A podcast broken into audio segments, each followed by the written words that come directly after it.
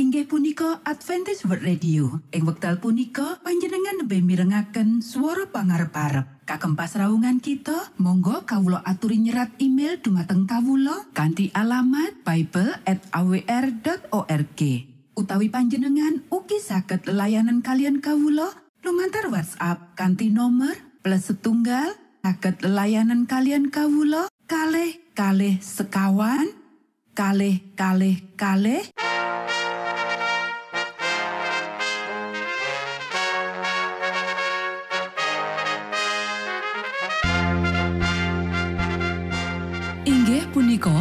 Adventist World Radio ingkang giaran kanthi basa Jawi. Tentrem Rahayu kula aturaken kagem para mitra kinasih ing pundi papan lan panggonan. Sugeng pepanggian malih kalian Adventist World Radio. Kanti bingahing manah Kulo badhe sesarengan kalian para mitra kinasih lumantar saperangan adicara ingkang sampun rinonci mligi kagem panjenengan sami. Mugi giaran punika saged migunani tuwin dados berkah kagem kita sedaya. Sugeng midhangetaken Gusti amberkahi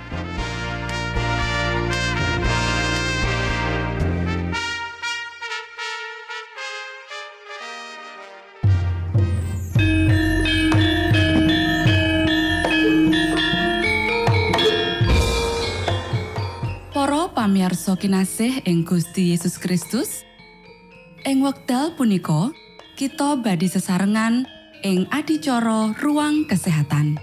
Ingkang saestu migunani kagem panjenengan saha kita sami. Tips utawi pitedah ingkang dipun aturaken ing program punika tetales dawuhipun Gusti ingkang dipunnyatakaken ing kitab suci. Semanten ugi sakehing seratan ingkang dipun wangsitaken dening Gusti Allah. Nanging saderengipun, monggo kita sami midhangetaken kidung pujian.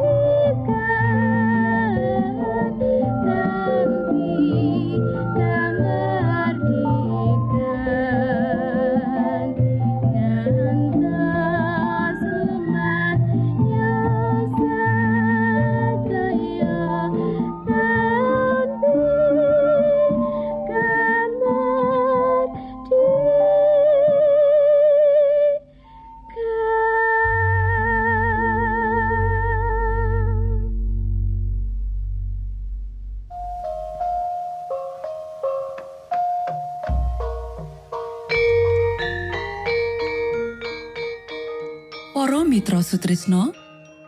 Puji syukur dumateng Gusti ingkang murbeng dumati ingkang sampun kepareng paring wewenngan kagem kita. Satemah saged nglajengaken ruang kesehatan.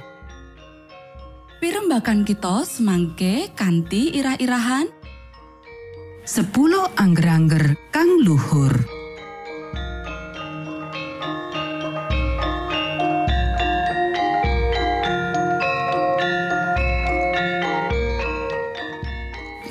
dumateng para pamiarsa ingkang dahat kinurmatan sugeng pepanggihan malih kalian kula Isti Kurnaidi ing adicara ruang kesehatan ing dinten punika kanthi irah-irahan 10 angger-angger kang luhur. Para sedherek ingkang kinasih, manungsa kang kaluwen lan ngelak ngubati Gusti Allah bakal mbudidaya ngubati sawening pangerten tumrap angger-angger kang wis Gusti Allah paringake marang titahe.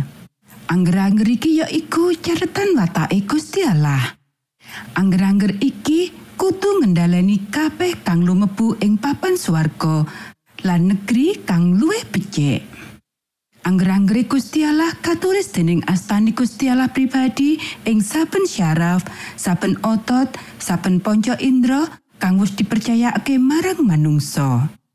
Kawicaksanane Gusti Allah wis netepake angger-angger alam kanggo ngendhaleni kang bener awit sandangan kita, kasenengan kita, lan hawa nafsu kita, lan Gusti Allah ngersakake kita mituhu ing saben bab. Para sedherek ingkang kinasih, panerah angger-angger fisik ya iku panerah angger-angger Gusti Allah. Gusti Allah kang nitahake kita ya iku Sang Yesus Kristus. Panjenengane ya iku pangripta anane kita. Panjenengane ya iku pangripta angger-angger fisik kang padha karo angger-angger moral. Lan menungso kang ceroboh lan ngawur tumrap pakulinan lan tingkah laku kang nyangkut panguripan fisik lan kabagas warasan dosa tumrap Gusti Allah. Gusti Allah ora dihormati, diajeni utawa diakoni. Iki dituduhake dening tatu kang digawe marang badan jroning nerak angger-angger fisik. Para sedherek ingkang kinasih, Gusti Allah nresnani titahe kanthi sawene tresno kang alus lan santosa. Gusti Allah wis netepake angger-angger alam Nanging angger-anggering Gusti Allah ora owah kingsir. Saben sira aja embo iku jroning angger-angger fisik utawa angger-angger moral ngandut utawa mratelakake sawijining janji. Menawa dituruti, berkah bakal teko jroning laku-laku kita. Menawa ora dituruti, akibate bebaya lan ora nentremake. Para sedherek ingkang kinasih, kabagas warasan, kasarasan lan kabagian gumantung marang angger-angger kang langgeng. Nanging angger-angger iki ora bisa dituruti tanpa ana greget kanggo nyinaoni. Sawening pangerten babakan angger-angger ing ngendi kabagas warasan dijaga lan dirumati mujudake bab kang wigati banget. Ketledoran lan sikap ndablek utawa orang gagas marang angger-angger kang nguasani anane kita iki mujudake dosa kang umum satemah kita ndeleng kanthi toleransi kang ora sak mestine. Para sedherek ingkang kinasih, kita ora duweni hak kanggo sak wiyah-wiyah nerak siji wae prinsip angger-angger kabagas warasan. Gusti Allah ora dihormati banget kanthi cara menungso nindakake perangan badan lan panjenengane ora bakal gawe mujizat kanggo gagalake sawene panerak kang ala saka angger-angger panguripan lan kabagas warasan. Gusti Allah wis ndadekake perangan saka rancangane satemah manungsa ngunduh wohing pakerti. Para sedherek ingkang kinasih, adat lupiyo apa wae saka wong tua kang cengkah karo angger-angger fisik, tatu kang ditindakake marang diri pribadine bakal dibaleni ing generasi wektu kang ngarep teko. Sira kudu nindakake prinsip kang cocok karo angger-angger alam nyiwakake utawa nyingkrehake pangrasa. Kanggo njlentrehake angger-angger alam lan derek anglakoni angger-angger kuwi ya iku pakaryan kang barengi pawarto malaikat katelu kanggo nyawesake wong-wong kanggo karawuhane Gusti Yesus. Matur nuwun, Gusti amberkahi.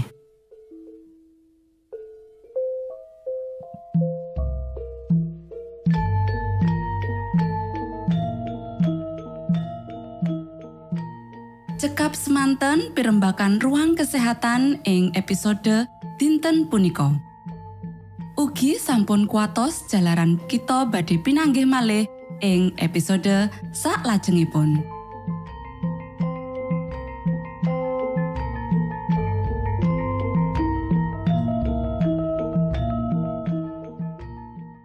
Inggih punika adicara ruang kesehatan. Menawi panjenengan gadah pitakenan utawi ngersakaken katerangan ingkang langkung, monggo kula aturi kinton email dateng alamat ejcawr@ gmail.com utawi lumantar WhatsApp kanti nomor 025 pitu 00 songo songo papat 00 pitu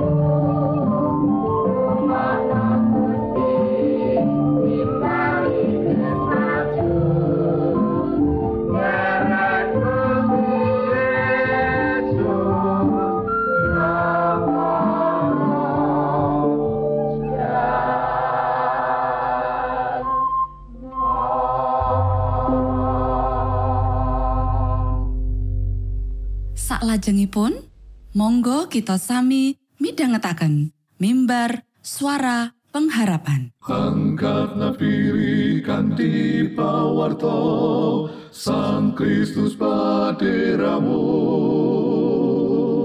Pro umat samyo puji asmanyo Sang Kristus paderamu Inggih punika mimbar suara pengharapan. Ing episode punika kanthi irah-irahan. Roh remen ndedonga saka Rama Abraham.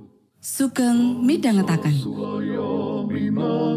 tondo Sang Kristus paderamu Ilmu kawero tambah tambah Sang Kristus paderamu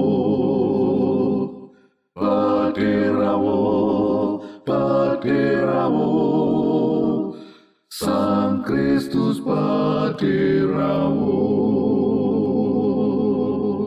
Shalom para pamirsa ingkang kinasih wonten ing Gusti. Sakmenika kita badhe mitangetaken renungan Sabda pangandikanipun Gusti. Ing dinten punika kanthi irah-irahan Roh remen ndedonga saka Rama Abraham.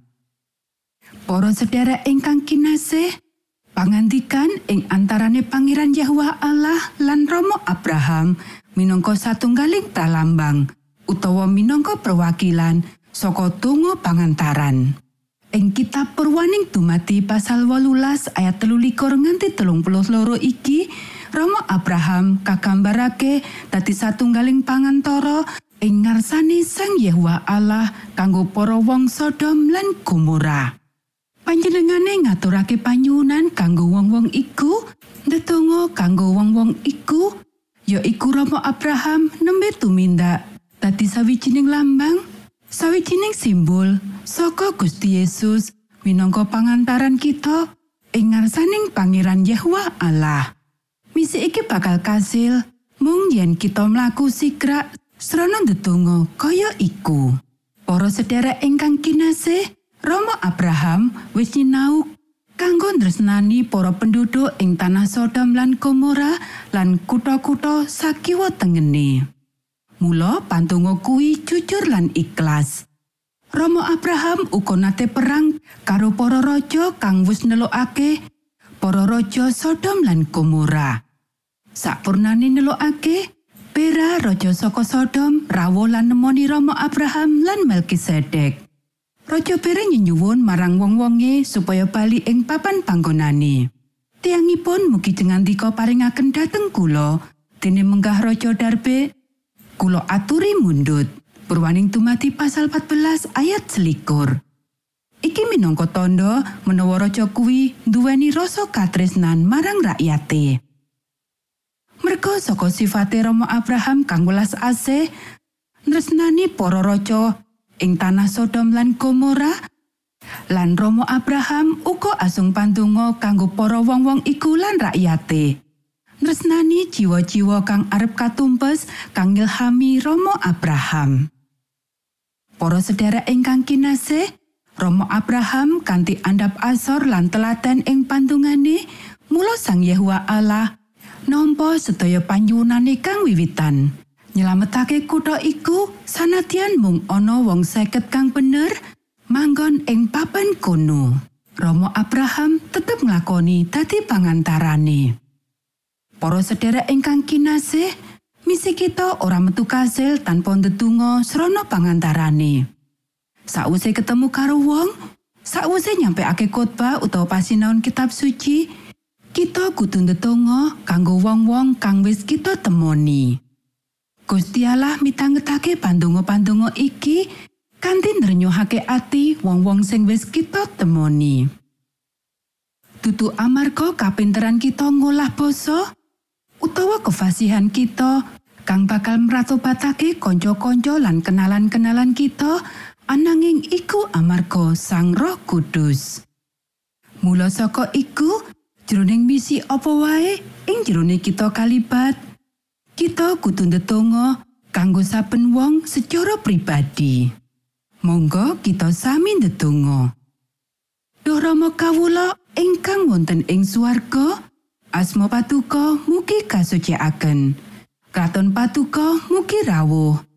Karso patuko mugi kalampahan wonten ing bumi kados dene wonten ing swarga. Kawula mugi kaparingan rejeki kawula sak cekapipun ing dinten punika. Saha patuko mugi ngapunten kalepatan kawula kados dene kawula inggih ngapunteni tetiang ingkang kalepatan dhateng kawula.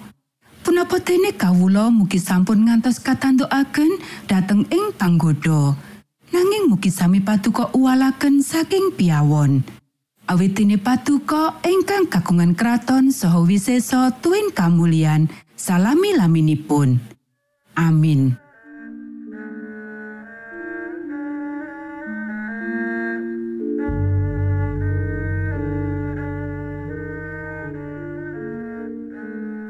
Mitra Sutrisno pamiarsa kinasih ing Gusti Yesus Kristus. Sampun paripurno pasamuan kita ing dinten punika. Menawi panjenengan gadah pitakenan utawi ngersakaken seri pelajaran Alkitab suara nubuatan Monggo Kulo aturi kintun email dateng alamat ejcawr gmail.com utawi lumantar WhatsApp kanti nomor 025 pitu 00 songo songo papat 00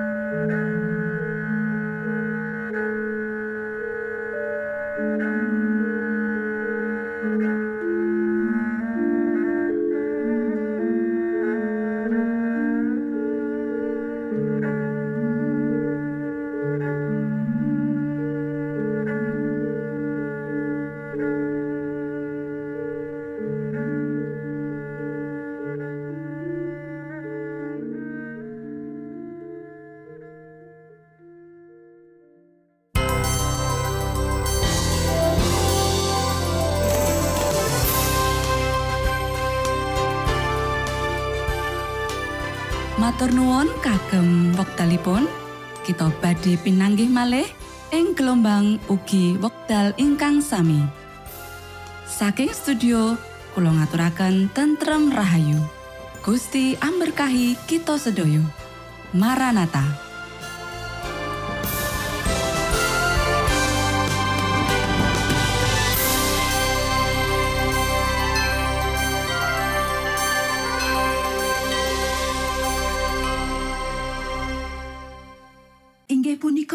Adventist World Radio. Ing wekdal punika panjenengan lebih mirengaken swara pangarep-arep. Kagem pasraungan kita, monggo kawula aturi nyerat email dumateng kawula kanthi alamat bible@awr.org. Utawi panjenengan ugi saged layanan kalian kawula lumantar WhatsApp kanthi nomor plus setunggal saged layanan kalian kawula kalih kalih sekawan kalih kalih kalih